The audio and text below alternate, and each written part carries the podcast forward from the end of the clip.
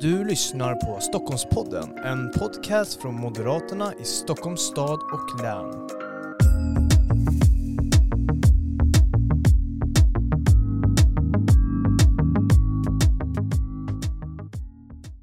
Och idag ska vi prata om en väldigt viktig fråga eh, här i Sverige. Det är nämligen så att vi ska prata utbildningsfrågan och eh, dess utmaningar lite. Och med oss har vi Mats Gerda och du är KSO i Nacka.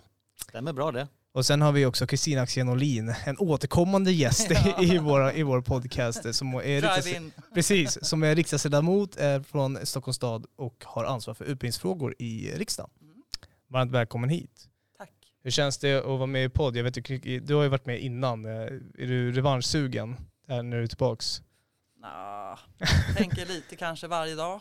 Vore bra. Ja. Kanske en egen radiokanal, Ja, eh. Kick FM. Exakt. Kommer i valrörelsen. Mats ska få vara med. Du, kan köra så här väkteri också, telefonväkteri. Telefonväkteri, ja. ja, precis. Många bra idéer. Ja. Mats, är du, är du van vid att podda eller? Nej, det är jag inte. First time. First time för mig. Mm. Ja men då blir det här kanonbra tror jag. Det Det, är lite jag som radio, det har jag varit med i säkert ett tag. Eh, men som sagt, vi ska prata utbildningsfrågan idag och eh, när jag tänker på utbildningsfrågan rent spontant så känner jag att det är en fråga som vi ofta glömmer bort. Eh, vad, vad säger ni om det? Delar ni min uppfattning? Den står nog inte högst upp på allas agenda, vilket den kanske borde göra mycket mer.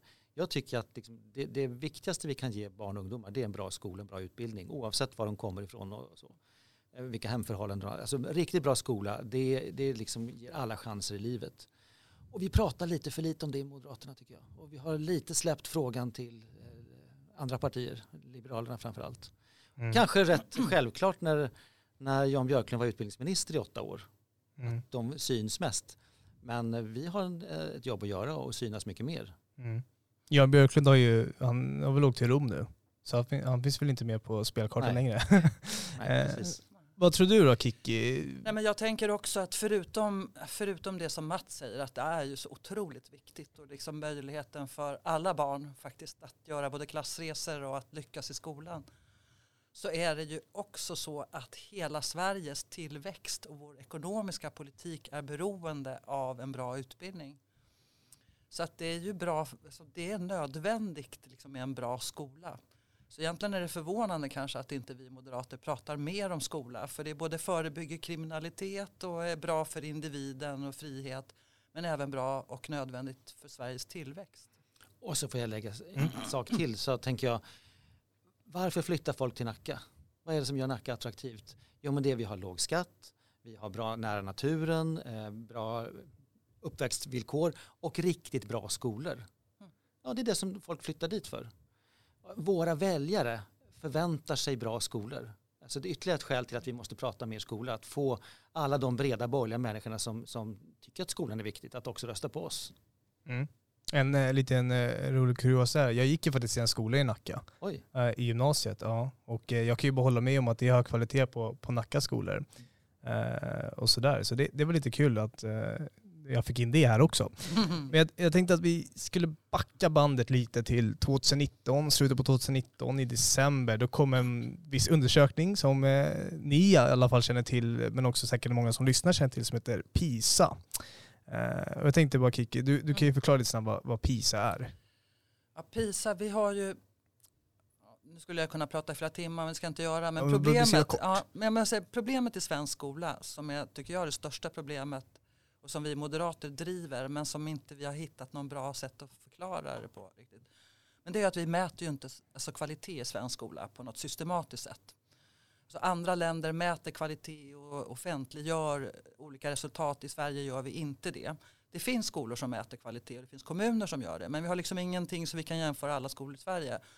Och då finns det då några internationella undersökningar som vi är med i. Där vi kan se liksom hur Sverige ligger i förhållande till andra länder. Och det är PISA är en, eh, TIMS en annan. Eh, och då mäter vi kunskaperna i matte, läsförståelse, naturkunskap. Eh, ja, lite stort. Och Mm. jämför oss då med liksom, i princip alla länder i OECD. Mm. Och eh, i slutet på 2019 så kom ju en eh, PISA-undersökning och eh, kort därefter när man hade analyserat resultatet så Anna Ekström, utbildningsministern, kallade då alltså den här undersökningen för en glädjandes dag när hon fick reda på den. Mm. Men det var väl inte riktigt en glädjande undersökning som, som det visade. Det var inga bra resultat alls utan det visade faktiskt att den här PISA-framgången eh, grundade sig, sig på felaktiga siffror. Mm.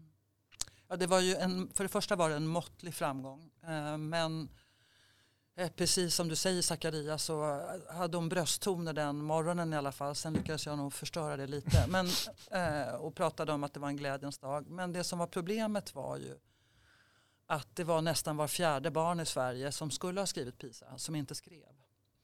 Alltså det var en väldigt stor procent, det var 11-12 procent som exkluderades och inte fick skriva provet. Och sen var det dessutom 13 procent som skulle ha skrivit provet som inte dök upp den dagen. Vilket då är en helt liksom, extrem frånvaro liksom, siffra. Så mm. totalt sett så var det ju näst, 24 procent som inte skrev. Och förmodligen de som då skulle ha dragit ner resultatet. Eh, mm. Så att egentligen var, blev ju PISA blev ju egentligen ett riktigt liksom, tragiskt tecken på hur det ser, ser ut i svensk skola. Mm. Och eh, det var ju också den största uppmätta skillnaden av alla OECD-länder vad gäller skillnader mellan inrikesfödda och utrikesfödda elever i bland annat läsning. Ja. Sen så var också liknande mönster från, för matte och naturvetenskap. Ja, och sen var vi faktiskt en annan siffra som jag tycker också är sådär som vi säkert kommer tillbaka till. Men det är ju att Sverige var sämst i hela världen av alla deltagande och det var över 80 länder. När det gäller att barn ärver så att säga, sina föräldrars mm. dåliga eller låga eller obefintliga utbildning. Jämfört med alla andra länder så har man möjlighet att liksom lyckas i skolan även om mina föräldrar är analfabeter. Men inte i Sverige utan här har vi då sämst resultat i hela världen. Mm. Och det här eh, visar ju nästan någonting på att eh, Sveriges utbildningspolitik kanske inte är den vassaste i lådan, eh, den, social, eh, den utbildningspolitik som Socialdemokraterna driver. Men vi har ju fortfarande en hel del bra skolor i, i Stockholmsregionen, eller hur Mats? Absolut, det finns många bra skolor. Det finns säkert en del ute i övriga landet också såklart. Mm, såklart. Eh, men jag tycker PISA-undersökningen var ändå intressant i just det Kiki tar upp, eller du kanske det var, att vi har så stora skillnader mellan inrikes och utrikesfödda. Mm. Eh, och är, man pratar ju nästan alltid om segregerade områden, man har liksom riktat in sig på, på de som är utrikesfödda, men man lyckas i alla fall inte med detta. Mm. Och det är ju verkligen liksom observandum, här måste man göra någonting ordentligt jag tror att det handlar mycket om höga förväntningar Exakt. på eleverna. Alltså du kan inte bara lägga huvudet på sne och tycka synd om, du kommer från ett annat land, stackars dig. Utan du måste ha höga förväntningar på alla elever. Och med rätt hjälp och stöd så kommer alla kunna klara sig. Jag är mm. helt övertygad om det. Men du måste ha den liksom mentala inställningen. Och sen tror jag också att det är viktigt att skolan är, känns som den är till för eleverna. Mm den, det, den bidrar med någonting som gör att eleverna kommer att lyckas. Det måste kännas meningsfull för eleverna. Och där lyckas man inte riktigt alltid heller tror jag i svensk skola. Mm. När vi ändå är inne på eh, nästan betyg och, och eh, sådär så att det är över 15 procent av Sveriges elever som går ut nian som saknar behörighet till gymnasiet och 27 procent går ut utan alla betyg. Mm. Nej, det är ju en tragedi och dessvärre så ser det ut att eskalera. Alltså när vi fick den samlade betygsstatistiken i höstas ifrån Skolverket då när man tittar på årskurs 6 betyg eh, runt om i hela Sverige så är det fler då än var fjärde elev i årskurs 6 som har streck i ett eller flera ämnen. Eh, och, och, och, ja, jag är ju lärare själv så jag vet ju hur svårt det är också att rätta till. Eh, är det streck redan liksom, eller icke godkänt redan i årskurs 6 så är det tyvärr ofta så att det följer med. Men det är ju menar, allt det här hänger ju ihop, det vi pratar om PISA också. Och så. Eh, börjar man bryta ner då vilka det är som inte klarar svensk skola och varför det ser så liksom illa ut. Så är det precis som Mats säger att det är en, en enormt stor liksom, överrepresentation av att de som inte klarar skolan är de som har utrikesfödda föräldrar. Mm. Och varför vi i Sverige misslyckas mycket mer med de barnen än med alla andra tror jag är egentligen en, en mycket djup alltså, fråga som handlar om vår kultur och vår inställning precis som Mats säger, att vi har inte höga förväntningar på barn som kommer från andra länder eller vars föräldrar kommer från andra länder.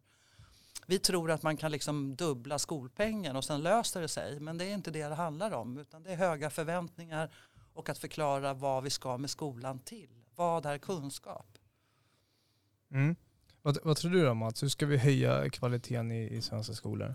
Och det finns ju massor att göra. Mm. Det viktiga tror jag är att um, skolorna har en bra ledning. En bra rektor med tydliga mandat och tydligt, eh, liksom stort och brett ansvar som kan anställa duktiga liksom, lärare. Eh, stor frihet lokalt på skolan för att anpassa sig till de elever som man har.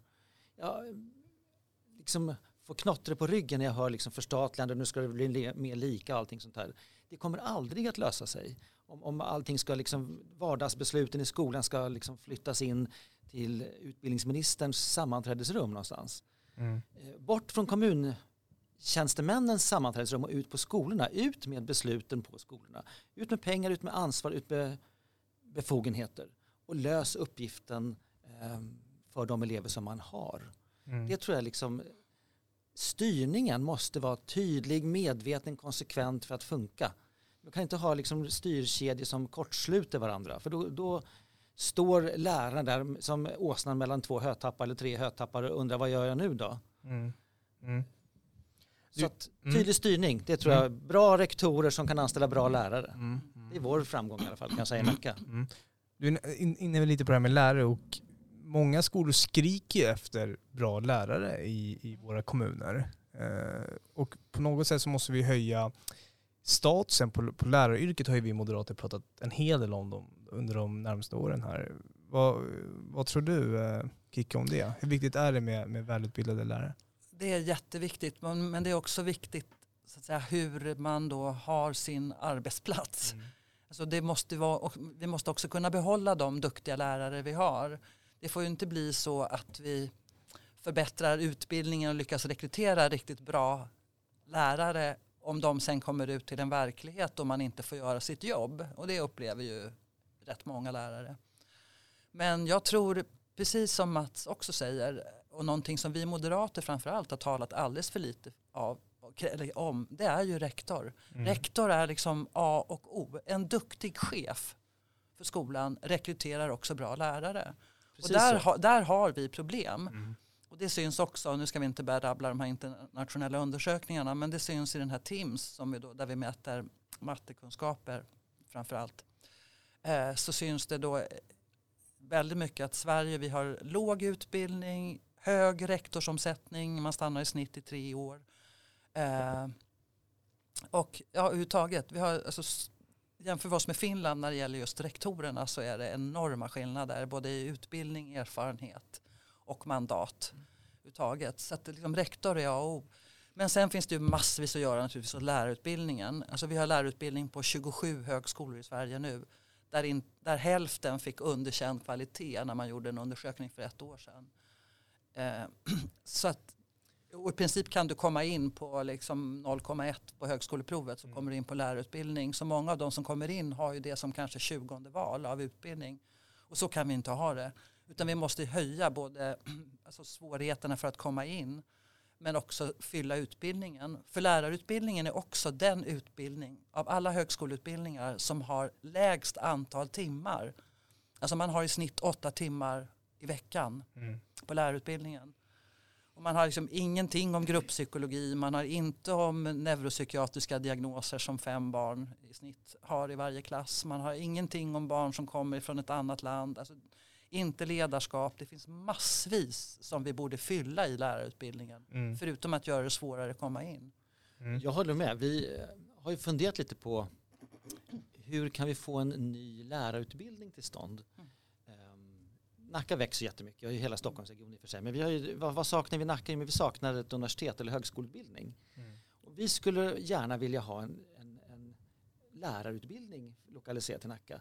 Och det vore ju jättespännande om man hade en utländsk Åbo. Akademi ska du ta Ja men kontakt precis, med. ja, men det har vi Ja, gjort. Bra. Åbo Akademi Aha. sökte ju i- att få starta lärarutbildning i Ja. Sverige för ett antal år sedan och fick nej. Alltså då ska man säga Åbo Akademi. Och Finland är ju då de som har de bästa skolorna i hela världen, bästa lärarna. Åbo Akademi anses väl vara det bästa högskolan och universitetet i Finland. Alltså rätt välmeriterat kan man ju säga då. Mm. De söker om att få starta lärarutbildning i Sverige och får nej av högskoleämbetet, vad nu heter, kanslern eller vem det är nu som ger examensrättigheter. Och det där det är ett jättebekymmer. Vi har en sån stelbent styrning av våra lärarutbildningar eller på högskolor generellt tror jag. Att du får inte examensrättigheter. Mm. Och då, då konserverar du ju systemet. Mm. Istället för att verkligen, okej nu har vi ett problem i Sverige här. Vi borde verkligen ta kontakt med Åbo Akademi eller någon Harvard eller Oxford eller någon annan. Att hur kan ni göra för att etablera er i Sverige? Vi skulle välkomna den Mm. liksom, nytänket som de skulle kunna föra med sig in i det svenska sk- utbildningssystemet. Exakt. En fristående lärarutbildning vore liksom, Med utländsk touch. ja exakt, vore Och jag, fantastiskt. menar, jag tänker just Finland som har en samma Mm. kulturella bakgrund som Sverige. Mm. Det, det är ju rätt överförbart. Det är Mm. skillnad om man skulle komma från liksom Singapore eller någon annanstans va? där man har annat språk och annan liksom kulturell bakgrund så, än vad vi har. Mm. Finland är så nära, samma språk. Vad, är, Mm. vad, är, så förstå, vad, är, vad är problemet? Mm. Så det tror jag skulle- också skulle bidra till att höja, liksom, få bättre lärare, fler som skulle, rätt personer som skulle Mm. vilja bli lärare. Mm. Och höja liksom läraryrkets status successivt. Men, men jag tänker så här, de som är lärare idag, du var inne lite tidigare på att det är en högre lans mellan lärare på, på våra Ja. skolor. Jag tänker bara att du är i Nacka kommun, hur jobbar ni för att behålla lärare, igen? behålla bra lärare? Bra lärare och bra rektorer. Jag tror att är, rektorerna är en nyckelroll. Mm. Eh, De har stora befogenheter men de har också är viktigt i deras uppdrag att, att peka på målet, att peka på, alltså skapa en, en samsyn och en vision i vart man är på väg. Att alla liksom bidrar till det. Mm. Eh, Sen är det ju så att det finns, vi har bland Sveriges högsta löner. Mm. Det påverkar en del. Mm. Stort friutrymme på skolan, eh, utvecklingsmöjligheter. Eh, Vi eh, håller på också att forska i skolan. Lärarna deltar i olika forskning. Alltså det finns olika typer av fortbildning, utvecklingsmöjligheter och sånt där som jag tror att många uppskattar och Mm. tycker är bra. Mm. Mm. Jag tänker att vi ska byta ämne och gå in lite på den heta debatten som är just nu kan man väl nästan säga. Skolvalets vara eller icke vara. Eh, Vara hoppas jag. Ja, ja. ja men det är bra, bra att du sa det. Vara hoppa, hoppas du. Och varför Ja. hoppas du det? Jo men alla elever är olika. Och då tänker jag att då måste väl skolorna också se lite olika ut. Det här one size fits all, det funkar inte när det är liksom individuella tjänster som riktas verkligen till en person. Ska mina barn få en riktigt bra skola som passar dem? Och de, mina barn är ju för sig vuxna nu men de är olika, de har gått i olika skolor. Jag måste hitta en skola som jag tror passar dem och utvecklar dem på bästa möjliga sätt. Så därför är valfriheten jätteviktig. Olika pedagogiker, stora, små, olika kulturella inriktningar eller vad det nu är, språkliga inriktningar eller någonting sånt där. Alla ska vara bra. Och det är där jag tycker man har i svenska debatten liksom blandar ihop det här ibland. Att ja, men det är så många skolor som är dåliga, därför ska vi förbjuda friskolor. Eller ta bort valfriheten. Men det löser ju inte problemet. De flesta i Sverige som går i, i dåliga skolor går i kommunala skolor. Mm. Mm. Det får man liksom inte glömma bort. Mm. Men sen tänker jag också att det finns en annan poäng med det där som vi också glömmer bort ibland att prata om. Och det är ju att det där lilla, lilla, liksom, eller lilla det kanske är ett stort, men alltså att ett aktivt beslut där en familj väljer en skola. Det, man ska inte underskatta värdet av det också. Oavsett om man väljer en friskola eller om du väljer den närmaste kommunala eller en annan kommunal. Så bara det att du som, som familj på något sätt sätter dig ner och funderar och aktivt väljer. Mm. Det är Det, jätteviktigt. ja, det är viktigt också. Ehm, sen hör ju jag till de som tycker att man ska skriva helst kontrakt på varje skola också med föräldrar och sånt. Men det är nä- nästa grej. Men just det där aktiva valet. ehm, att det har en poäng i sig. Mm. Men Mm. det är faktiskt viktigt för då Ja. tar du ställning. Det här är någonting Exakt. viktigt. Det är Ja. inte bara jag ska välja vilken tandkräm jag ska ha. Nej. Utan det här är någonting som är viktigt. Ja. Och då måste vi se till att serva förä- föräldrar med Mm. bra information om okej vad, vad innebär den skolan och vad är den skolan för någonting. Och det tycker jag också att vi är lite dåliga i Sverige. Att, att inte serva med Information. information om, Ja. alltså likvärdig information. Ja. Det finns en beskrivning hur skolan ligger och att det är liksom eh, vacker natur och sånt där. Bra i och för sig. Men det är ju vad, vad kan vi förvänta oss för hjälp här om eleverna får problem? Vad, vad, Ja. hur, vad lär de sig? Man brukar ju prata om det här med, med ökad segregation när man, när man- pratar om att man vill ta bort det fria skolvalet. Jag men, Kikki, du var väl i, var det Agenda du var och debatterade Mm. för ett tag sedan? Vad, vad säger du om det? Nej men så är det ju. Därför att nu är tillbaka på det här som vi- vi- cirkeln går ju runt hela tiden. Men det är ju så att vi har ju Det som bland annat då har hänt i Sverige är ju att vi har i princip på sju år fördubblat andelen utländska eller utlandsfödda elever. Och många av dem behärskar ju inte svenska språket så bra och då är det ju inte så lätt att börja välja skola eller ens veta att man ska välja skola.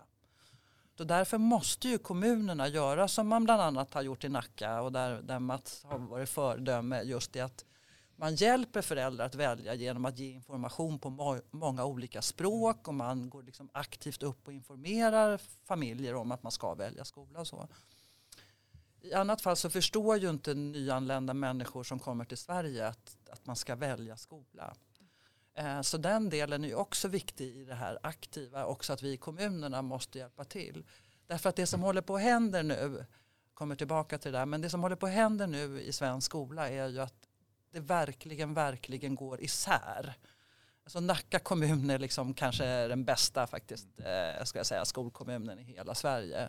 Vi har några till av våra kära företrädare, liksom Sollentuna jätteduktiga, Täby jätteduktiga. Danderyd. Ja, absolut. Eh, men sen har vi börjat ha kommuner och områden i Sverige där skolorna alltså, har gigantiska problem. Där är mer eller mindre kaos. Mm. Där man byter rektor hela tiden, knappt kan rekrytera lärare och absolut inte behöriga lärare. Där alla barn liksom, i princip kommer från ett annat land och inte talar svenska och där inte personalen gör det heller.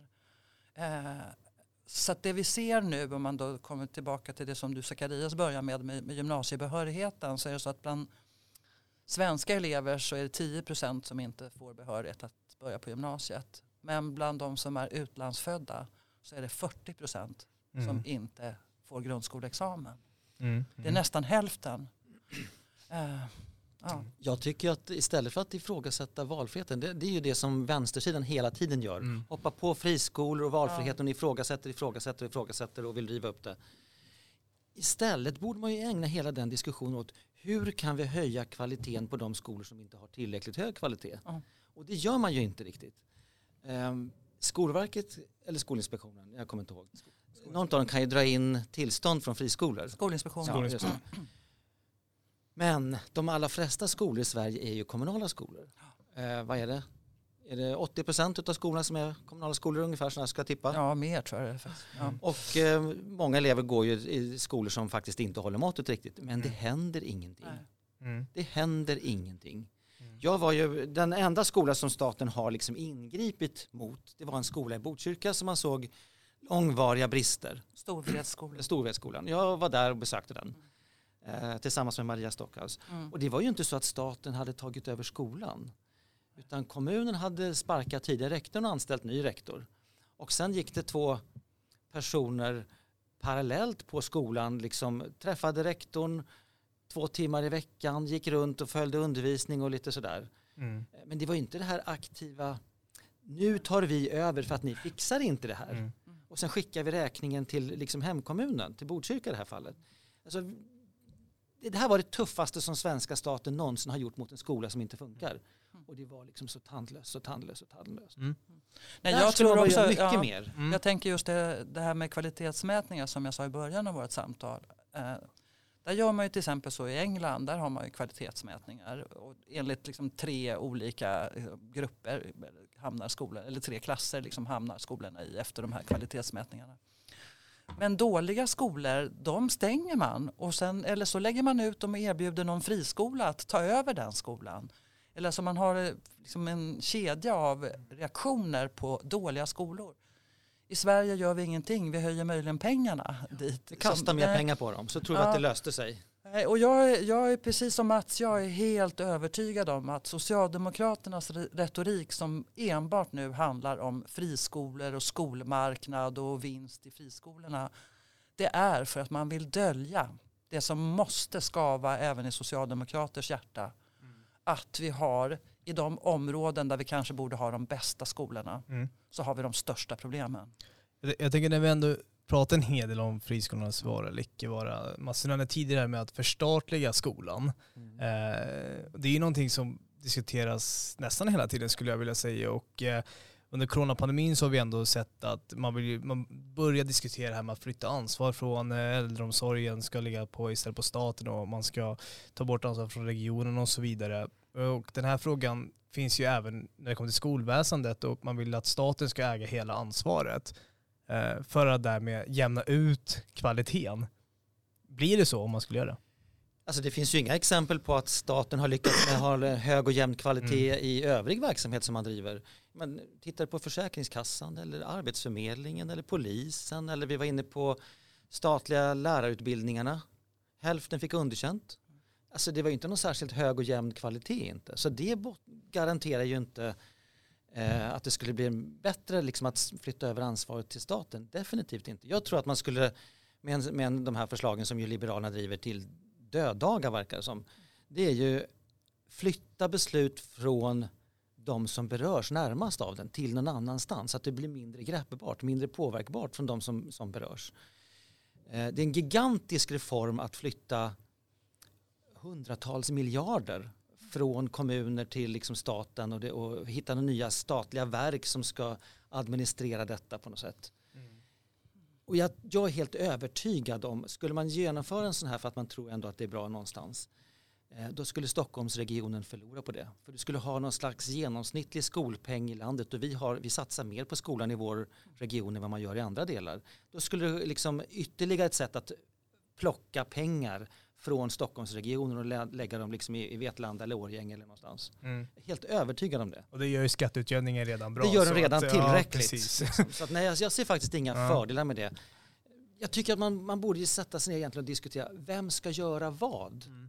Det här ska skolan göra, det här ska kommunerna göra, det här ska staten göra. För det är väl ingen som ifrågasätter liksom att staten har en roll i skolan. Med ramverket, med läroplanen, hur mycket undervisningstid man ska ha. Kan jag tycka att det borde vara mer. Mm. Eh, men hur man når målen och hur man jobbar, det måste ju avgöras liksom lokalt.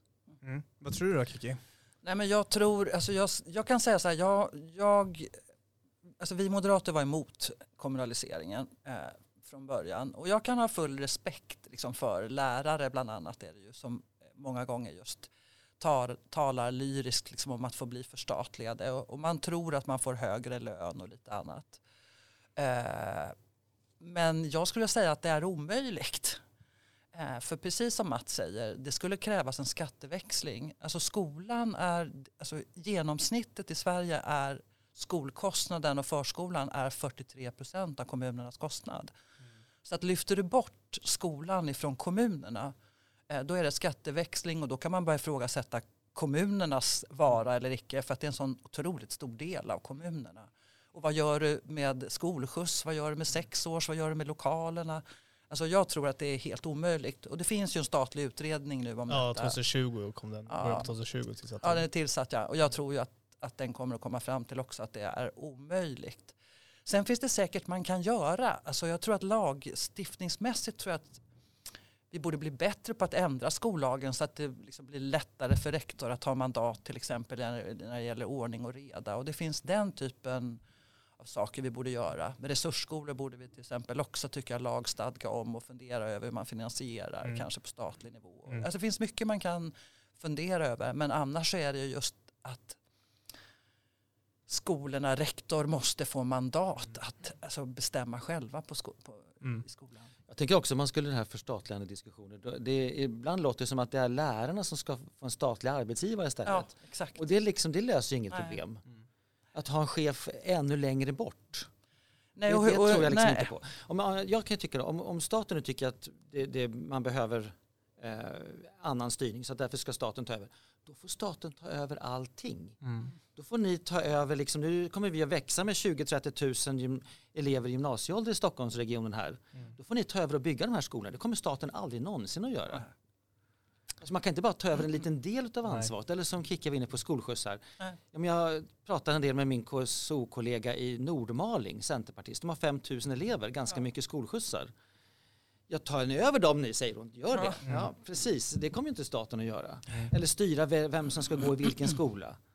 Det, det blir total kaos tror jag. Ja. Det känns lite som man försöker hitta snabba eh, lösningar liksom på ett komplext problem och några större strukturomvandlingar känner, känns det som i alla fall att man ska försöka undvika när det kommer till den svenska. Ja, framförallt så tror jag att man också döljer alltså, problemen vi har. Ja. Och, alltså, vid sidan om att det är helt omöjligt som jag beskrev, alltså, alltså jag tror inte överhuvudtaget det är genomförbart. Ja. Så kan man ju också fundera på, liksom, har, skulle skolan överhuvudtaget klara av en sån omorganisation med allt vad det innebär? När vi har sådana problem att var fjärde barn har liksom icke godkänt.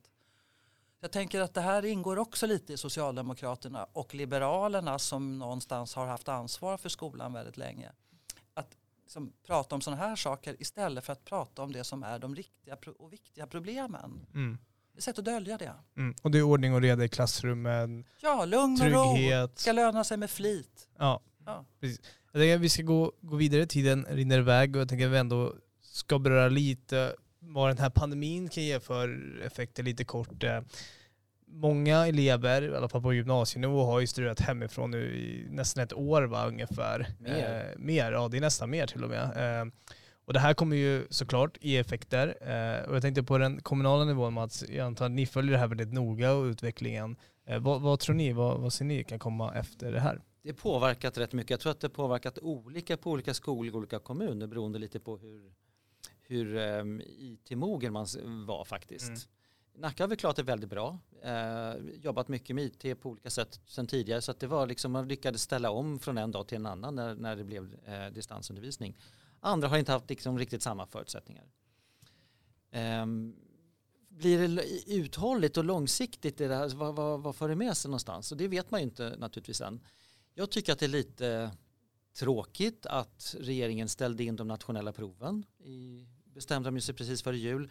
För nationella proven är ju ändå ett sätt att följa och Ja. mäta vad eleverna liksom kan och inte kan. Var, Mm. var finns luckorna? Och det skulle ju kunna göra ett, liksom, vara ett underlag för att okej, nu har ni missat det här, då måste vi ta igen det på något sätt. Om det blir en i form av helgundervisning eller lovundervisning eller förlängd termin eller vad det nu är för någonting. Det blir ju nästa fråga, men man måste ju veta först. Man kan ju inte bara tro hur det var. Eh, Så att, sen är det många elever som presterar mycket bättre Mm. Och så är det några som mår dåligt av att inte få träffa kompisar och är Mm. psykiskt dåligt och sådär. Och det där får man ju se hur, hur långvarigt det där blir någonstans. Vi, vi har ju föreslagit i riksdagen då att man skulle göra en sån här scanning av varje barn när man nu hade ställt in de nationella proven. Göra som man gör i Finland och Estland och andra länder, diagnostiska prov för att se vad barnen då har fått för kunskapsluckor. Precis som Mats säger, så man kan ta igen det sen. Men det röstas ju ner. Det som man inte vill är veta. jätte- Liksom. Nej, exakt. Man, man, nej. Jag hade möte med Sveriges elevkårer i torsdags och det var faktiskt väldigt sorgligt. För då var det representanter från alla möjliga gymnasier runt om i hela Sverige. Och det fun- fungerar ju så enormt olika. Alltså det fungerar bra i vissa kommuner där man då har en IT-mognad och där eleverna har hyfsat bra välordnade förhållanden. Men runt om i Sverige så är det också riktigt så att man blir ledsen och får ont i magen. Mm. Alltså det finns elever som inte klarar av att gå på naturvetenskaplig linje nu och ta studenten därför att man inte har råd att köpa en räknare som krävs till mattekursen och man får inte låna hem ifrån skolan. Då får väl skolan Nej. låna ja, ut. Nej, de gör inte det. Nej, det här är, vi är tillbaka. Du och jag ska kunna prata om rektorer väldigt länge tror jag. Vi har i många, i många kommuner, inte minst våra moderata kommuner, har man ju ställt om elevhälsan till att bli digital. Ja. Det är jättemånga kommuner, nej, nej, inte ett ord har eleverna hört från elevhälsan eller rektor. Man erbjuder inte mat fast det, finns gymnasister som inte då får något mål mat per dag längre. Alltså i, när man gjorde, Lärarförbundet gjorde en undersökning som 5000 lärare hade fått svara på också i torsdags. De uppskattade att så många som 19 procent, det är alltså nästan var femte elev i Sverige, inte då i Nacka, men i Sverige, eh, har inte hemförhållanden eller digital teknik så att man klarar av distansundervisning. Och det här vill inte Socialdemokraterna prata om. Vi föreslog det för Anna Ekström också. att skanna av nu hur många barn som inte har tillgång till en dator hemma eller wifi eller vad det nu är för, för någonting. Eh, men det blev nej. I England har man delat ut 1,3 miljoner datorer i socialt utsatta områden. Man har delat ut routers med wifi. I USA så har man kört ut skolbussar med paraboler med liksom internetuppkoppling. Alltså andra länder gör det och skannar av och, och på något sätt vågar erkänna att vi har barn som bor i familjer där man inte har de här tillgångarna. Men det gör vi också måste jag säga. Ja. Vi har ju också elever som inte har de hemförhållandena. Absolut, jag bara tänkte Ja, att ni har inte var femte elev nej, kanske. Nej, nej, men, nej, men det finns ju trots Ja, allt ja. personer och de har ju vi utrustat med mobiluppkoppling eller någonting annat så att de ska Ja. kunna följa undervisningen. Nej, det är långt ifrån tyvärr Så det är väl andra som gör det. Så det är så sorgligt. Men jag, jag faller lite tillbaka till det som Mats och jag pratade om i början. Att det är ju klart att det är ju, någonstans är det ju en rektor som inte fungerar tillräckligt bra. Men, men också Eller att inte har skulle- mandatet, man tror inte att man Nej. får. Nej. Mm. Men jag tror att det här kan bli, jag tror dessvärre, eh, jag ska, brukar inte vara pessimistisk men i det här fallet är jag nog det, att jag tror att den här pandemin kommer att öka skillnaderna i svensk skola. Det vill säga duktiga elever kan ha klarat det jättebra och kanske till och med bättre. Eh, svaga elever, elever från andra länder som inte är bra på svenska eh, kommer att, eh, ja, kommer att klara det som får ännu större problem efter det här. Det kommer att avslöja skillnaderna Ja. verkligen, att de Ja. är stora. Och förhoppningsvis så tar man ju det här tillfället att göra någonting åt det också. Yes. Mm. Man eh, försöker vända till något positivt tänker jag. Att eh, se till att man blir av med dåliga skolor eller, eller Ja. byter rektor som kanske inte håller måttet om det nu Mm. är. Nej. Mm. Eh, det- För det finns en En- hel del att göra. Alltså jag, vi brukar säga i Nacka, vi jobbar med svansarna. De, de bästa ska få springa hur fort som Ja. möjligt. Och de som inte har, är lika bra, de måste man liksom lyfta. Mm. För då lyfter du hela skolväsendet. Liksom. Mm. Mm. En moderat skolminister vore väldigt bra. Det skulle, Och vet du, där, där, där måste vi nog sätta punkt för den här eh, podden. Ja. En moderat skolminister, det skulle nog vara väldigt bra. Det tycker jag sammanfattar vårt samtal här väldigt bra. grattis Eh, Kiki.